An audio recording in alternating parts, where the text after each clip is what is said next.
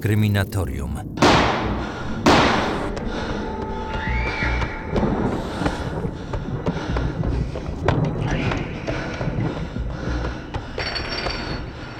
To dźwięk czołówki pewnego popularnego programu z lat 90. Starsi widzowie na pewno kojarzą o co chodzi. Telewizyjne biuro śledcze, czyli takie 997, tyle że na Polsacie. Powiem wam szczerze, że lubię co jakiś czas wracać do starych odcinków i bardzo często widzę, że omawiane wówczas sprawy wciąż są niewyjaśnione. Może i te stare programy były gorzej nagrane od obecnych. Może i gra statystów była zdecydowanie słabsza. Dźwięk również pozostawia wiele do życzenia. Nie mówiąc już o oprawie graficznej. Jednak te stare programy mają w sobie to coś. Przy oglądaniu każdego odcinka odczuwam lekki niepokój, tak jak za dawnych lat, gdy byłem jeszcze dzieckiem i oglądałem tego typu programy po nocach. Dlaczego o tym wspominam? Ponieważ w dzisiejszym odcinku podcastu zajmiemy się jedną ze spraw, która została poruszona właśnie w telewizyjnym biurze śledczym w 2001 roku. Witam serdecznie. Jedziemy z całą ekipą telewizyjnego biura śledczego, tym razem znów na Podlasie. Czekają tam na nas wciąż nierozwiązane sprawy kryminalne, które będziemy rekonstruować, wierząc, że doczekają się szczęśliwego finału. Proszę Państwa, z tą samą wiarą jedziemy do miejscowości Jęki, gdzie w bestialski sposób bandyta zamordował dwójkę małych dzieci.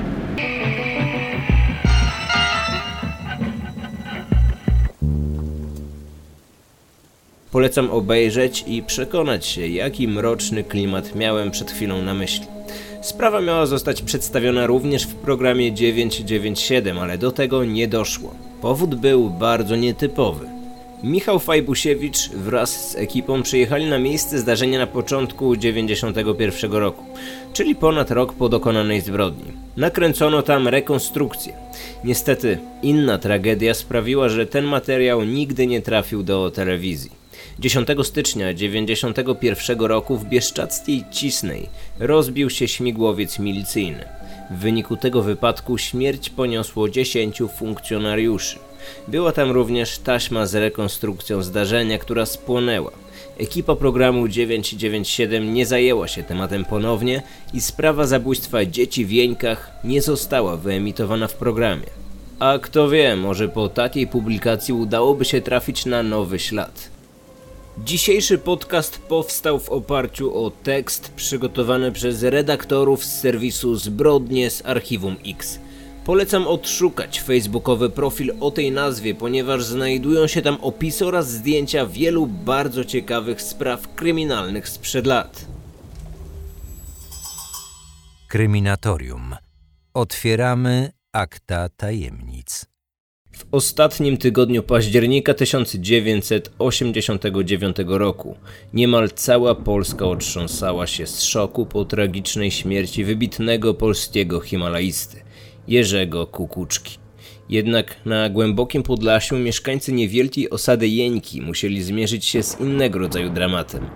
Oto w miejscowym lesie niezidentyfikowana bezwzględna, bezkompromisowa bestia zamordowała dwójkę dzieci państwa faszczewskich, dziewięcioletniego Januszka oraz jedenastoletnią Monikę. Komu przeszkadzało życie Moniki i Janusza? Pytała wówczas jedna z lokalnych gazet. Niestety, jak dotąd bez odpowiedzi. Rodzina i śledczy przypuszczają, że zbrodni dokonał jeden z mieszkańców Jeniek. 23 października 1989 roku. Godzina 5.20 rano. Osada Jeńki na pograniczu województw Łomżyńskiego i Białostockiego. W niewielkim czerwonym domu państwa Faszczewskich na południowych obrzeżach wioski trwa już jak co dzień poranna krzątanina. Głowa dziewięcioosobowej rodziny, pan Józef Faszczewski, wstaje jako pierwszy. Myje się, ubiera, spożywa śniadanie i wychodzi do pracy. Pokonuje pieszo drogę z Jeniek do sąsiedniej wioski, Łupianki Starej. Tam wsiada w autobus PKS, a następnie w miejscowości Baciuty przesiada się na pociąg do Białego Stoku. Niby zwykła, rutynowa czynność, jaką pan Józef wykonuje od lat. Jednak tym razem, gdy mężczyzna wróci po południu do domu, jego życie będzie już zupełnie inne. 40 minut później z domu wychodzi także córka Józefa i Cecylii, Agnieszka. Chce zdążyć na autobus PKS, który zawiezie ją do szkoły w Wysokiem Mazowieckiem, około 30 km dalej. Dwójka najmłodszych dzieci, 11-letnia Monika i 9-letni Januszek, wstaje przed godziną siódmą. Do szkoły podstawowej w Łupiance Starej chodzą codziennie na godzinę 7.40. Do pokonania mają około 1300 metrów gruntownej drogi, wiodącej pomiędzy dwoma niewielkimi zagajnikami. Później do tej samej szkoły wybiera się córka Kasia, natomiast starszy syn Faszczewskich, 13-letni Leszek, za zgodą Cecylii, tego dnia zostaje w domu, gdyż, jak później stwierdzi, nie chciało mu się iść do szkoły. Czekała go tam klasówka z matematyki. Cecylia zajmuje się gospodarstwem domowym, z kolei mieszkający wraz z Faszczewskimi ojciec Cecylii, Antoni Popławski, jest już od lat na emeryturze. Jak na trzecią dekadę października panuje dość przyjemna pogoda. Temperatura sięga kilkunastu stopni. Jest cicho, spokojnie i bezwietrznie. Życie w Jeńkach toczy się jak dotąd. Od powoli i sennie nic ciekawego się nie dzieje. Mijają już ostatnie godziny względnej sielanki. O godzinie dziesiątej Cecylia Faszczewska także wychodzi do szkoły podstawowej w Łupiance Starej. Została wezwana na rozmowę przez nauczycielkę Janusza, który był psotnym chłopcem i sprawiał pewne problemy wychowawcze. Po tej rozmowie Cecylia wraca do domu, a niedługo po niej, między godziną 10 a 12, wracają osobno Monika i Januszek. Matka przebiera je w domowe ubranie. Monice zakłada czerwony sweterek golf i niebieską spódniczkę, a Januszowi granatowe spodnie i niebieską bluzkę z krótkim rękawem. Już wkrótce okaże się, że w tym właśnie odzieniu przyjdzie im zginąć. Feralny poniedziałek. Cecylia udziela Januszkowi reprymendy w związku z jego wybrykami na terenie szkoły. Ten przeprasza i obiecuje poprawę. Następnie mama podaje dzieciom obiad. Dla Januszka jest to ostatni posiłek.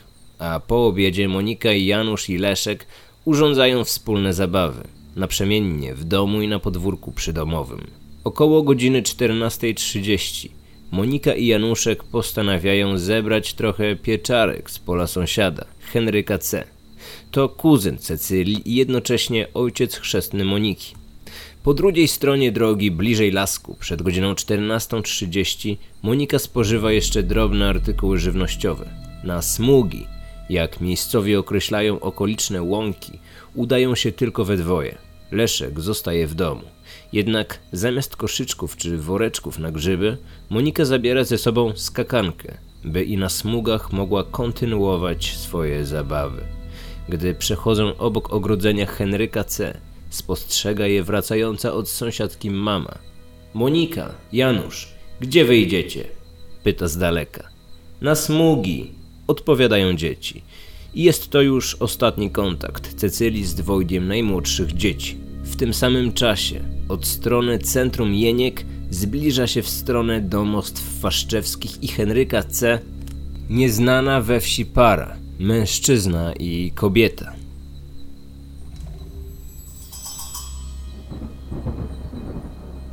Zaginięcie. Około godziny 14.45-14.50 dziadek Moniki i Janusza, Antoni Popławski, wychodzi z domu po chrust na opał. Idzie tą samą ścieżką, którą 15 minut wcześniej przechodziły wnuczęta. Nie spotyka ich jednak po drodze. Nie słyszy też żadnych okrzyków. Idzie prosto do lasku. Do pokonania ma około 400 metrów. W zagajniku spędza około pół godziny na zbieraniu chrustu. Dobiega godzina 15.30, gdy w domu Faszczewskich pojawia się pierwsze, niewielkie jeszcze zaniepokojenie, przedłużające się nieobecnością Moniki i Janusza.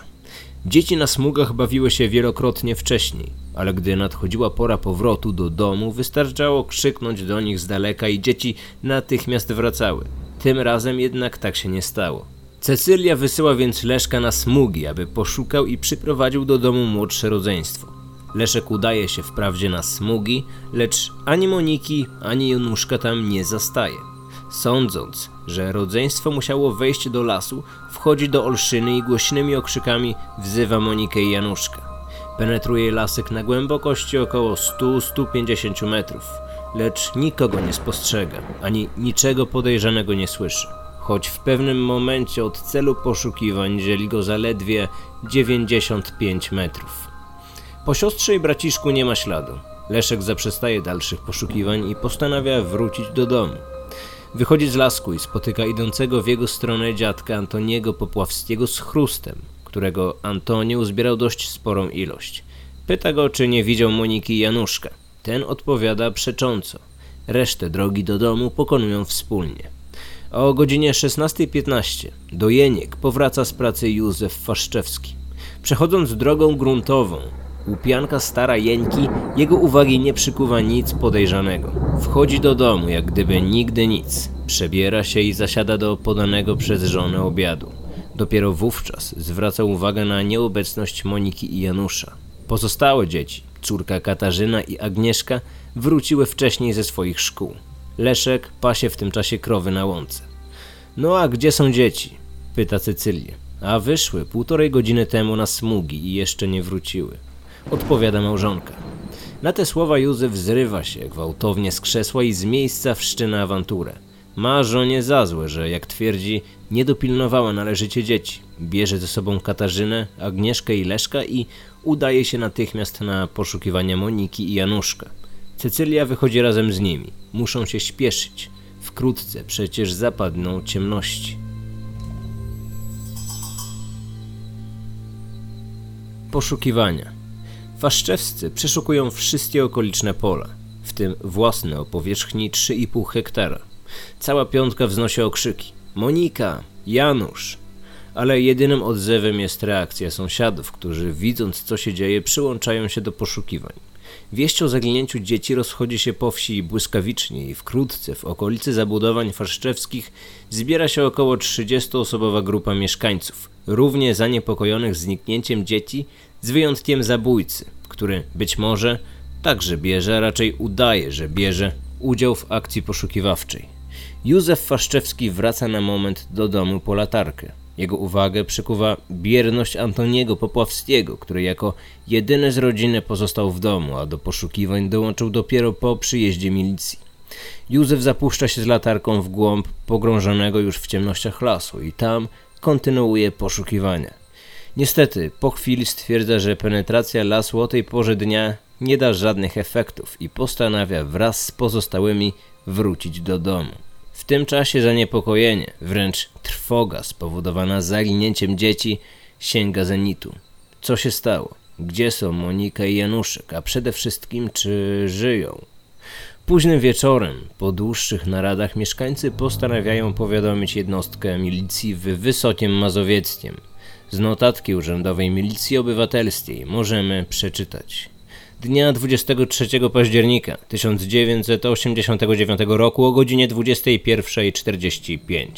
Małgorzata Esz, pielęgniarka Ośrodka Zdrowia w Wieńkach gminy Sokoły, telefonicznie powiadomiła dyżurnego w Wysokiem Mazowieckim, że rodzeństwo Monika i Janusz Faszczewscy zamieszkali Jeńki. Około godziny 14.15 wyszli z domu w kierunku lasu i dotychczas nie powrócili.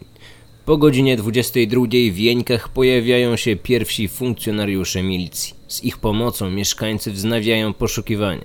Penetracja łąk i lasu trwa do godziny pierwszej w nocy. Niestety bez rezultatu. Wiadomo jedynie, że na pewno dzieciom musiało stać się coś złego. Rodzina wyklucza możliwość samowolnego oddalenia się rodzeństwa w nieznanym kierunku.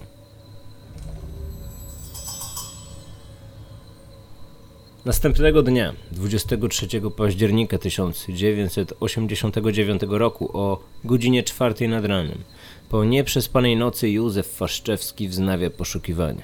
Oczywiście tego dnia nie ma mowy o wyjeździe do pracy. Jakiś czas potem ponownie dołączają do niego milicjanci. Poszukiwania koncentrują się zwłaszcza na obszarze zagajnika pomiędzy Jeńkami a Łupianką Starą, gdyż jest to właściwie jedyny teren, który nie został jeszcze dokładnie metr po metrze przeczesany. Tragiczny przełom następuje około godziny 13. Wtedy to idący wraz z funkcjonariuszami milicji Józef Faszczewski zbacza lekko w stronę wschodniego obrzeża lasku i zauważa wówczas coś, co w pierwszej chwili wydaje mu się fragmentem rozkopanej przez dziki ziemi. Gdy jednak podchodzi do tego miejsca bliżej, i nogą odgarnia warstwę mchu, spostrzega kawałek brązowego, dziecięcego sandałka ze sprzączką. Przerażony Józef woła do milicjantów. Tutaj, tutaj. Zanim jeszcze milicjanci zdążą podbiec, Faszczewski zauważa wystający z ziemi czubek granatowej skarpetki. Już wie, że w tym miejscu leżą jego dzieci. Mimo iż widząc sandałek dziwi się. Żona Cecylia mówiła mu, że dzieci wyszły z domu w gumiakach. Dopiero wiele miesięcy później Cecylia przyznała, że musiała się w tej kwestii pomylić. To znaczy, Monika na pewno wyszła z domu w butach gumowych, ale Janusz rzeczywiście w sandałkach. Oględziny. Jest godzina 16. 24 października 1989 roku. Bezwietrzna pogoda. Temperatura sięga 15 stopni. Rozpoczynają się oględziny miejsca tragedii. Nie ma najmniejszych wątpliwości, że dzieci zostały zamordowane. Zwłoki są przysypane dużą ilością igliwia, roślinności i ściółki leśnej. Bez odgarniania igliwia widoczny jest właściwie jedynie czubek o powierzchni 1 na 2 cm, granatowej skarpetki jednego z dzieci oraz dłoń, jednak powstałe w wyniku działania sprawcy nienaturalne 40-centymetrowe wzniesienie skrywające ciało Moniki i Januszka jest dosyć łatwo zauważalne. Inna charakterystyczna i nienaturalna cecha to wystający z ziemi, mocno naprężony i przywiązany drugim końcem do drzewa, biały, lecz ubrudzony sznur. Długość sznura od słupa do ziemi wynosi 75 cm. Ze względu na zapadające ciemności w gęstym lesie, oględziny przerwano o godzinie 17.50. Śledczy wznawiają je na zajutrz o godzinie 10, między innymi z użyciem kamery wideo. Fragment tego nagrania będziecie mogli zobaczyć w filmie, który opublikowany zostanie na kanale Niediegetyczne już za kilka dni. Dopiero wtedy zdejmowane są następne warstwy ściółki. Odsłaniają się stopniowo kolejne elementy makabrycznego znaleziska. Najpierw lewy sandał dziecięcy, nóżki leżących obok siebie dzieci, para bucików chłopięcych i wreszcie pozostała część zwłok. Dziewczynka ma zaciśniętą wokół szyi pętlę ze wspomnianego uprzednio sznurka. Jej głowa nie spoczywa bezpośrednio na podłożu, lecz jest nad nim lekko, około 7 cm, zawieszona. Monika w chwili śmierci miała na sobie wspomniany wcześniej czerwony sweterek i niebieską spódniczkę. Nie miała jednak na sobie majtek. Były one wciśnięte do jednego z bucików. Podczas pierwszych oględzin na miejscu zbrodni lekarze nie stwierdzają widocznych obrażeń mogących świadczyć o seksualnym motywie zabójstwa, aczkolwiek obrażenia takie wyjdą na jaw podczas sekcji zwłok. Ciała obojga dzieci znajdują się w pełnym stadium stężenia pośmiertnego. Januszek ubrany był w granatowy podkoszulek i krótkie kalesonki koloru beżowego. Także i on miał na szyi obrażenia, bruzdę, świadczące o tym, iż został uduszony. Nie ma wątpliwości, że oboje zginęły wkrótce po tym, gdy widziano je jeszcze żywe po raz ostatni, czyli 23 października około godziny 14.30. Po przesypaniu igliwia i ściółki przez sito nie stwierdzono obecności żadnych przedmiotów mogących mieć znaczenie w śledztwie. Jedynie w odległości około 150 metrów, na polnej drodze biegnącej wzdłuż lasku, Milicjanci odnajdują zwój drutu ocynkowanego o przekroju 2 mm. Nigdy nie ustalono, czy przedmiot ten miał jakikolwiek związek z tragedią. Sekcja zwłok. Przeprowadzona 26 października w Zakładzie Medycyny Sądowej Akademii Medycznej w Białymstoku. Sekcja zwłok Janusza Faszczewskiego. Stopień płynności krwi Janusza świadczył o tym, że śmierć chłopca była szybka. Przyczyną zejścia śmiertelnego było uduszenie, a ściślej zamknięcie światła dróg oddechowych spowodowane zadzierżgnięciem pętli sznurka wokół szyi. Otarcia na skórka i pojedyncze podbiegnięcia krwawe wskazywały, iż chłopiec bronił się przed oprawcą. Jednak z charakteru tych obrażeń wynikało, że siła potrzebna do obezwładnienia chłopca była niewspółmiernie duża do możliwości obrony. Ale możliwe też, że owe otarcia na skórka powstały już po zabójstwie, w trakcie przysypywania zwłok ściółką leśną. Na podstawie cech fizycznych treści pokarmowej wypełniającej żołądek Denata, biegli określili przypuszczalny czas zgonu na co najmniej dwie godziny po ostatnim posiłku. Sekcja zwłok Moniki. Zaciśnięcie pętli wokół szyi Moniki spowodowało obfite wylewy i podbiegnięcia krwawe w mięśniach u podstawy języka i w tkance wiotkiej. W tchawicy, o skrzelach większych i mniejszych, znajdowała się treść śluzowa, a w niej miejscami pojedyncze ziarna piasku. Prawdopodobnie znalazły się tam już po śmierci dziewczynki, gdy jej ciało było przysypywane igliwiem. Podobnie jak u Januszka, tak i w przypadku Moniki, płynność krwi świadczyła bardzo szybko o zadanej śmierci. Przyczyna śmierci uduszenie. Uszkodzenie błony dziewiczej wskazywało na to, że na denatce dokonano czynu nierządnego. Jednak Monika nie została zgwałcona. W takim przypadku obrażenia narządów płciowych byłyby rozleglejsze. Błona dziewicza została rozerwana na skutek działania narzędziem twardym, wąskim i tępym, a więc mógł to być palec lub inny podobny kształtem przedmiot, na przykład patyk. Monika zmarła po upływie około 30-45 minut od ostatniego posiłku. Wnioski ogólne. Mając na uwadze stopień przekrwienia twarzy, powłok czaszki oraz wylewy krwawe przestrzeni ponadpajęczynówkowej, biegli ustalili, że śmierć Janusza musiała być szybsza i gwałtowniejsza od tej, jaką zabójca zadał Monice. Siła zacisku pętli na szyi również była większa w przypadku chłopca. Chłopiec został uduszony niejako natychmiast, podczas gdy Monikę sprawca najpierw doprowadził do utraty przytomności przy pomocy gołych rąk lub innego narzędzia.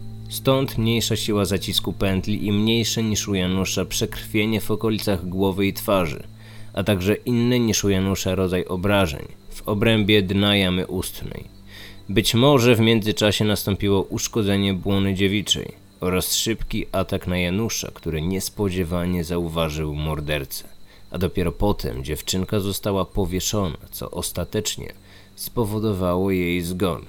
Monika miała na palcach rąk ślady, które świadczyły, iż próbowała się bronić i zdjąć pętlę z szyi, gdy odzyskiwała przytomność. Kto zatem zamordował dzieci Faszczewskich? Jak zidentyfikować sprawcę zbrodni? W pierwszym etapie śledztwa detektywi zamierzali odtworzyć ostatnie godziny i minuty życia dzieci. Ustalono na przykład, że feralnego dnia w czasie powrotu Janusza ze szkoły do domu miał miejsce pewien incydent. Otóż Januszek, idąc drogą łupianka stara Jeńki, w towarzystwie dwóch kolegów z klasy w pewnym momencie zerwał około 20-metrowej długości drut z ogrodzenia pastwiska. Według jednego z kolegów to oni go do tego zmusili. Następnie ciągnął po ziemi ten drut, aż dotarł do domu. Na tę okoliczność przesłuchano więc poszkodowanego właściciela pastwiska lecz finalnie nie przedstawiono mu żadnych zarzutów w związku z zabójstwem. Ostatnie minuty, kiedy widziano dzieci żywe, to czas pomiędzy godziną 14.30 a 14.45. Jak wiemy, około godziny 14.30 Monika i Januszek wyszli z domu na smugi, to jest na łąkę sąsiada, Henryka C. Widziała ich z oddali Cecylia. Nie zauważyła jednak lub nie zwróciła uwagi, by Monika dzierżyła w ręku jakąś skakankę oraz dwóch sąsiadów, Henryk C., właściciel działki i jeszcze inny mężczyzna, który ponownie spojrzał w stronę smugów o 14.55. Lecz Moniki i Januszka już wówczas nie widział.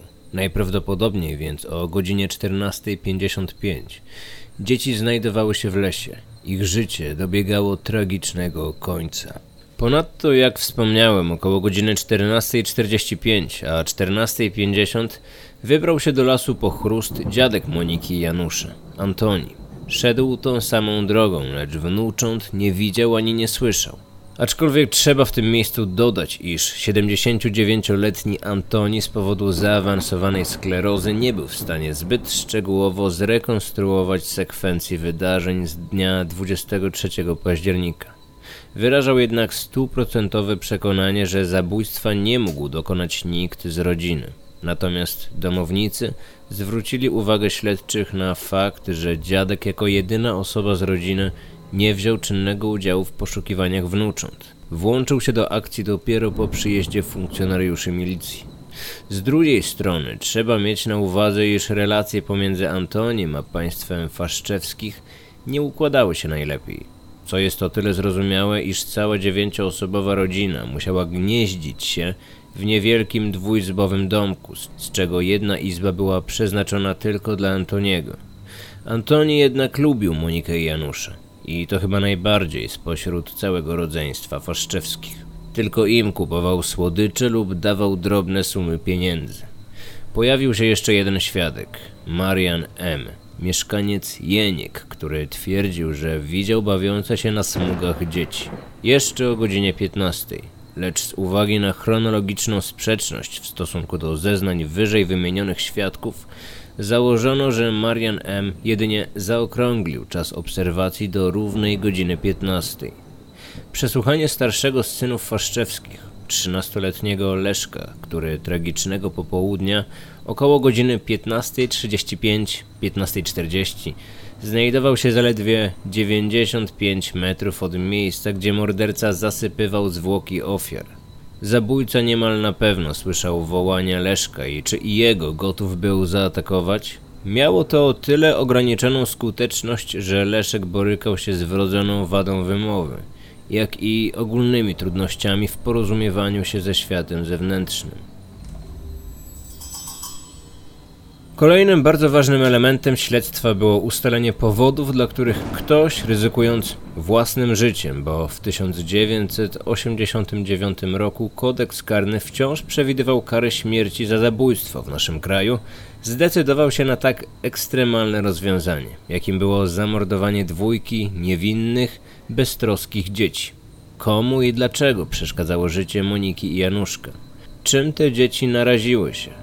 Śledczy skłonili się tutaj ku hipotezie, iż w pewnym momencie wspólnej zabawy Monika i Januszek rozdzielili się.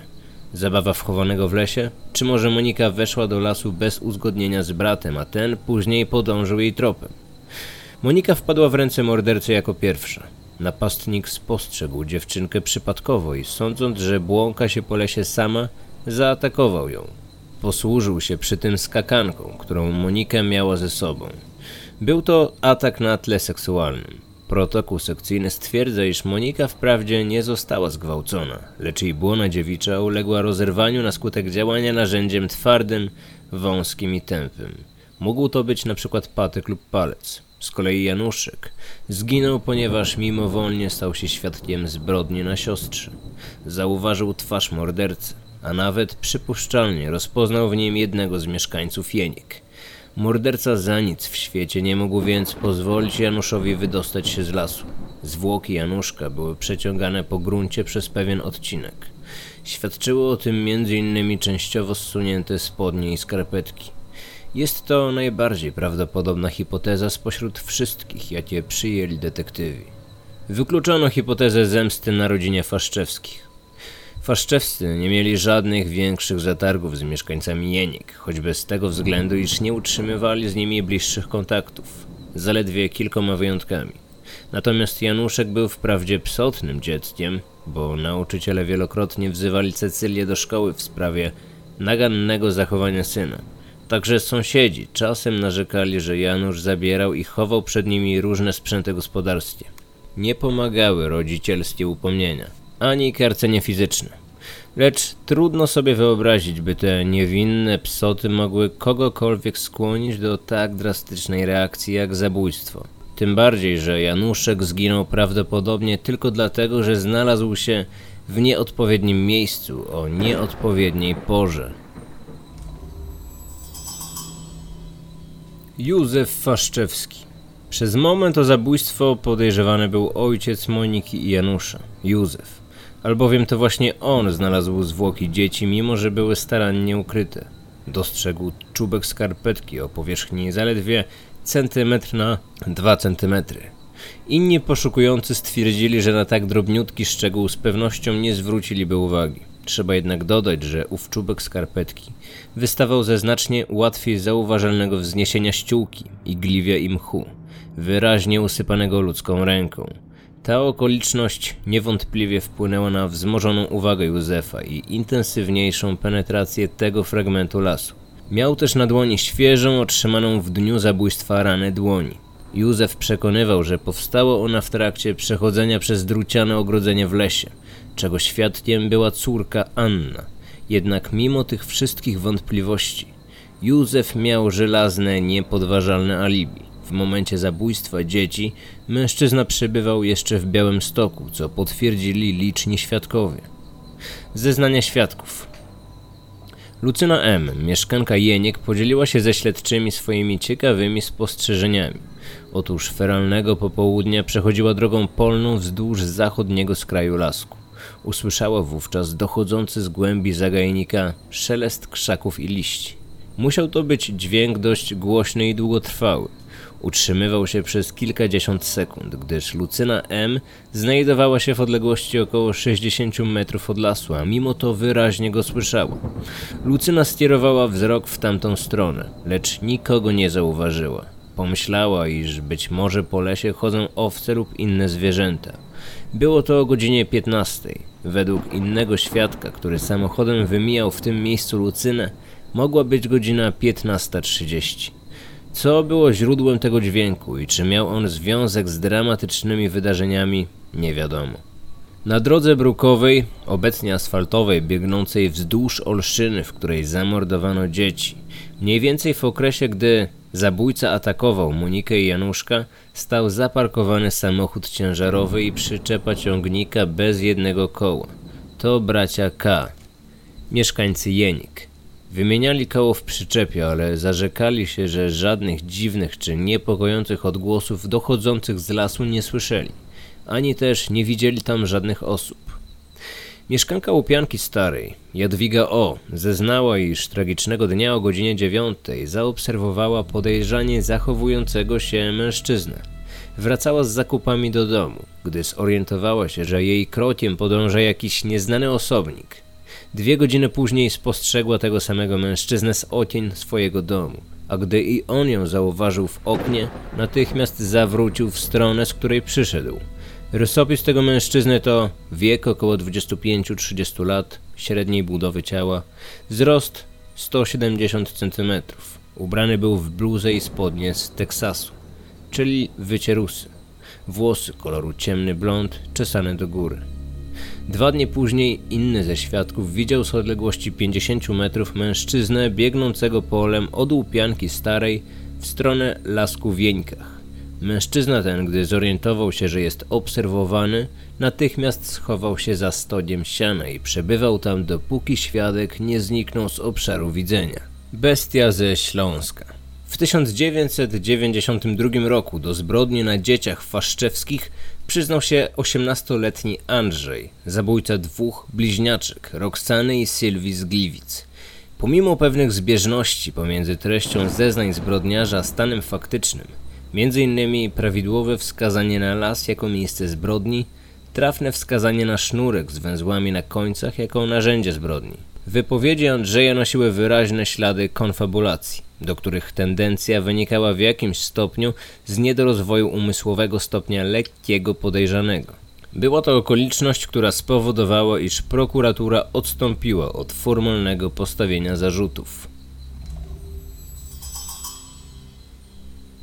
Cień podejrzenia padł m.in. na Henryka C., kuzyna Cecylii, z którego pola dzieci zrywały pieczarki. Mężczyzna ten był zatrudniony w szkole podstawowej w Łupiance Starej w charakterze woźnego, tej samej, do której uczęszczały dzieci. 23 października 1989 roku powrócił do domu po godzinie 14.30, czyli w czasie, gdy dzieci zbierały już pieczarki z jego pastwiska. Widział je podobno z odległości około 100 metrów. Widział też, jak Monika machała rękami i skakała. Tak to wyglądało, jakby skakała przez skakankę. Henryk C. twierdził później, że nie interweniował w związku z obecnością dzieci na jego działce. Wszedł do domu i wziął się za obrządek. Około godziny 16.30 pojawił się w jego domu Józef Faszczewski. Zapytał, czy nie widział Moniki i Janusza. Ten odparł, że owszem, widział dzieci około godziny 14.30 na łące koło stawu. o 18 dotarły do niego kolejne, bardziej dramatyczne w tonie wieści o zaginięciu Moniki i Janusza. Henryk dołączył wówczas do grupy poszukiwawczej. Odradzał jednak Faszczewskim powiadomienie milicji ze względu na późną porę. Jeden z sąsiadów twierdził później, że przebywał w domu Henryka C. w godzinach około 14.40 15.10, czyli w czasie, w jakim miało dojść do zbrodni. Tragicznego dnia, w czasie gdy doszło do zbrodni, widziano we wsi dwójkę nieznanych osób w wieku około 25-30 lat. Mężczyznę oraz być może wyższą od niego kobietę. Niektórzy świadkowie nie potwierdzali takiej różnicy wzrostu. Osoby te miały zachowywać się w sposób, który mieszkańcy Jeniek określali jako podejrzany. Kobieta miała na sobie niebieską kurtkę, a pod nią czarną spódnicę zakończoną białymi falbanami. Mężczyzna miał na głowie czarny beret. Według innych świadków czarne włosy bez beretu. Przez ramię miał zawieszoną dość dużych rozmiarów ciemną torbę. Oboje szli przez jeńki w kierunku łupianki starej, a więc musieli mijać po drodze las, w którym zamordowano dzieci. Rysopis mężczyzny. Wzrost około 1,70 m. Szczupłej budowy ciała. Ubrany był w kurtkę typu biodrówka, w szarym kolorze, spodnie koloru szarego. Mężczyzna przyciągał uwagę dziwnym sposobem chodzenia. Być może był chory lub nietrzeźwy. Kobieta trzymała go pod rękę. Miała długie czarne włosy, okrągłą, ładną twarz z mocnym makijażem. Później widziano ją palącą papierosy. Papierosa trzymała w prawej dłoni. Gdy przechodzili obok domu jednego ze świadków, świadek usłyszał fragment rozmowy. Mężczyzna powiedział: Może zajdziemy do tego domu, wskazując ręką na dom świadka. Kobieta odpowiedziała: Nie, idziemy dalej. Chwilę później, gdy na ulicę wylęgły kury, mężczyzna powiedział: Ty, może takiego kuraka. Kobieta na to: Co ty, głupi? Potem oboje kontynuowali spacer w stronę łupianki. Zaintrygowany zachowaniem, jak i samą obecnością w jeńkach obcych ludzi, świadek wyszedł na ulicę i obserwował, dokąd zmierzał wapara. Nieznajomi nie wstąpili jednak do żadnego z domostw, lecz szli prosto w stronę łupianki. Zapewne przechodzili obok domu Faszczewskich. Para ta do dziś jest poszukiwania do sprawy zabójstwa, bardziej w charakterze ważnych świadków, aniżeli podejrzanych. Pomimo intensywnych, zakrojonych na szeroką skalę czynności śledczych, nie zdołano jak dotąd zidentyfikować zabójcy dzieci. W sprawie tej przesłuchiwano wielu świadków, między innymi kilkudziesięciu mieszkańców Jeniek oraz niektórych mieszkańców okolicznych miejscowości, między innymi Łupianki Starej, Łapy, Wnory Stare, Leśniowo-Niedźwiedź, Stypułki Borki, Kowalewszczyzna. Przeprowadzono rozmowy z kolegami i koleżankami dzieci ze szkoły. Próbowano ustalić, czy dzieci czegoś lub kogoś się bały. Nie było nic, co mogłoby na to wskazywać. Faszczewscy szukali też pomocy u jasnowidza i podobno uzyskali tam, jak twierdzili, bardzo interesujące informacje, jednak nie wyjawili jakie. Biegli przeprowadzili szereg badań laboratoryjnych zmierzających do wyjaśnienia sprawy. Analiza śladów krwi ujawnionych na odzieżu Moniki, analiza laboratoryjna wyskrobin spod paznokci ofiary, czy wreszcie analiza śladów linii papilarnych znalezionych na obuwiu dzieci. Jeden z tych śladów na pewno nie pochodził od osób, od których pobrano odciski palców do analizy porównawczej. Wobec niewykrycia sprawcy czy sprawców zabójstwa śledztwo umorzono 4 czerwca 1990 roku. W ostatnich tygodniach media informowały o przełomie w tej sprawie. Podjęto na nowo śledztwo i uwaga, zatrzymano dwie osoby. Wygląda jednak na to, że doszło do jednej wielkiej pomyłki. Nikomu nie postawiono żadnych zarzutów. Sprawa zabójstwa dzieci w Jeńkach zostanie przedawniona w 2029 roku. Miejmy nadzieję, że do tego czasu policja trafi na jakiś nowy ślad, który pomoże schwytać zabójcę. Kryminatorium. Otwieramy akta tajemnic.